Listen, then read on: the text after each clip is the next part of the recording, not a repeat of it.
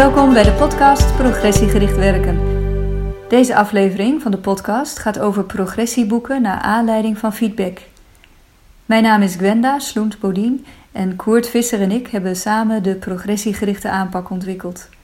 We geven trainingen in progressiegerichte gespreksvoering en we schrijven boeken en artikelen. In een van de vorige afleveringen van de podcast ging ik in op progressiegerichte feedback geven. En aan het einde van die podcast zei ik: Je feedback kan nog zo goed zijn geformuleerd, of die leidt tot progressie, hangt in sterke mate af van wat de ontvanger van de feedback ermee doet. Mensen kunnen namelijk op allerlei manieren reageren, zodat ze juist geen progressie boeken naar aanleiding van feedback die ze kregen. Zo kunnen ze die feedback terzijde schuiven of de taak vervolgens gaan ontwijken, de fout buiten hun eigen invloedssfeer leggen, zodat ze hun falen kunnen wijten aan externe factoren. Of de fout juist attribueren aan hun persoon, aan hunzelf. En dan zeggen ze: Ja, dat is nu eenmaal mijn karakter. Dat verander je niet, hè?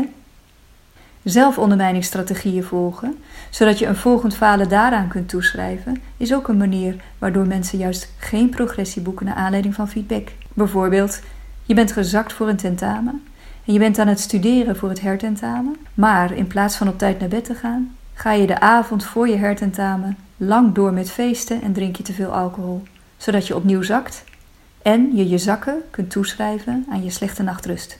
De onderzoekers Williams en Erlinger schrijven in het boek Autonomous Learning in the Workplace een hoofdstuk met de titel Failing to Learn from Feedback. Ze beschrijven daarin de factoren die beïnvloeden of de ontvanger bereid is en in staat is om de feedback die hij krijgt ook echt te horen. Een paar dingen zijn interessant om daaruit te noemen. Bijvoorbeeld, beginners en weinig vaardige mensen herkennen een goede kwaliteit van feedback vaak helemaal niet, waardoor ze de feedback naast zich neerleggen en er niks mee doen. Een van de verklaringen daarvoor is het Dunning-Kruger-effect. En dat wil zeggen dat degenen die laag staan op de kennis- of competentieschaal de neiging hebben om hun eigen kennis en competentie te overschatten. Ze weten immers niet dat er veel is wat ze nog niet kunnen en weten. Hoe competenter mensen worden, hoe bescheidener ze ook worden, omdat ze de complexiteit van de vaardigheid of het kennisdomein veel beter overzien dan in het begin. En zo kan je hele goede feedback geven aan een beginner of aan een weinig vaardige persoon, maar omdat die persoon niet herkent dat de kwaliteit van je feedback hoog is, legt hij de feedback naast zich neer en doet er niks mee.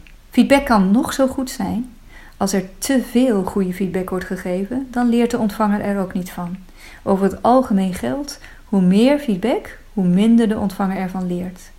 Te veel feedback maakt het namelijk moeilijk om patronen te zien en om te begrijpen wat er echt belangrijk is. Als er zo'n grote hoeveelheid informatie op ons afkomt, dan filteren mensen eruit wat al overeenkomt met wat ze dachten en geloofden. Dat komt omdat informatie die aansluit bij wat we al geloven eerder door ons wordt geaccepteerd en gevalideerd dan informatie die niet aansluit bij wat we zelf al dachten. 360 graden feedback bijvoorbeeld wordt voor veel mensen al snel als heel overweldigend ervaren. En dan ontstaat er een barrière om ervan te leren. Dus welke factoren helpen wel om progressie te boeken naar aanleiding van feedback? Allereerst is de relatie die bestaat tussen de feedbackgever en de feedbackontvanger van groot belang. Mensen staan meer open voor het leren van fouten en kunnen beter omgaan met falen als ze zich persoonlijk geaccepteerd en ondersteund voelen. Kumashiro en Sedikes gaven studenten een intellectueel moeilijke test. De studenten werd gevraagd om ofwel te denken aan iemand met wie ze een negatieve relatie hadden, ofwel een neutrale relatie of een positieve relatie. En de studenten die dachten aan een positieve relatie hadden meer belangstelling in de feedback ook als de feedback negatief was. En Baldwin toonde in diverse onderzoeken aan dat als mensen zich veilig voelen in een relatie, ze ook meer openstaan voor feedback en beter kunnen omgaan met falen dan wanneer ze zich onveilig voelen.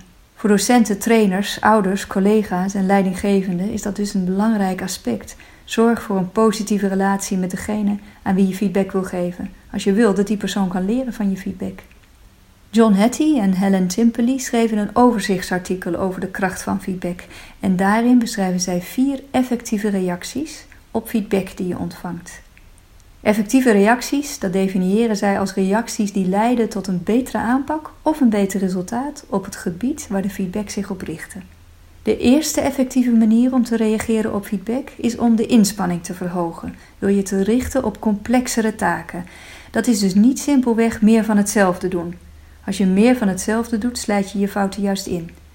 Bijvoorbeeld een zangeres die steeds net onder de noot zingt, die wordt niet beter als ze simpelweg heel veel gaat zingen, zonder dat ze gericht focust op het leren van de complexere vaardigheid om op de juiste toonhoogte te zingen.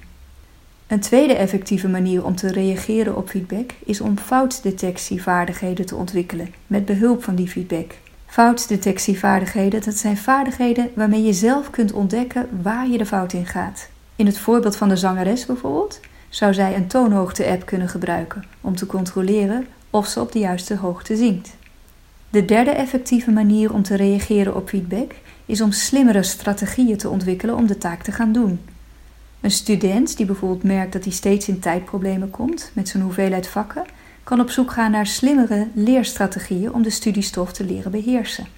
En een vierde effectieve manier om te reageren op feedback die je kreeg, is om meer informatie te verzamelen over hoe de taak verricht moet worden. Immers, als je een fout maakt, zou het kunnen zijn dat je niet echt op de hoogte bent van wat er van je verwacht wordt. En in dat soort situaties is het belangrijk om je meer op de hoogte te stellen van hoe de taak verricht moet worden. Meer leren kan in onze trainingen en meer lezen kan in onze boeken. Kijk maar op www.cpw.nu.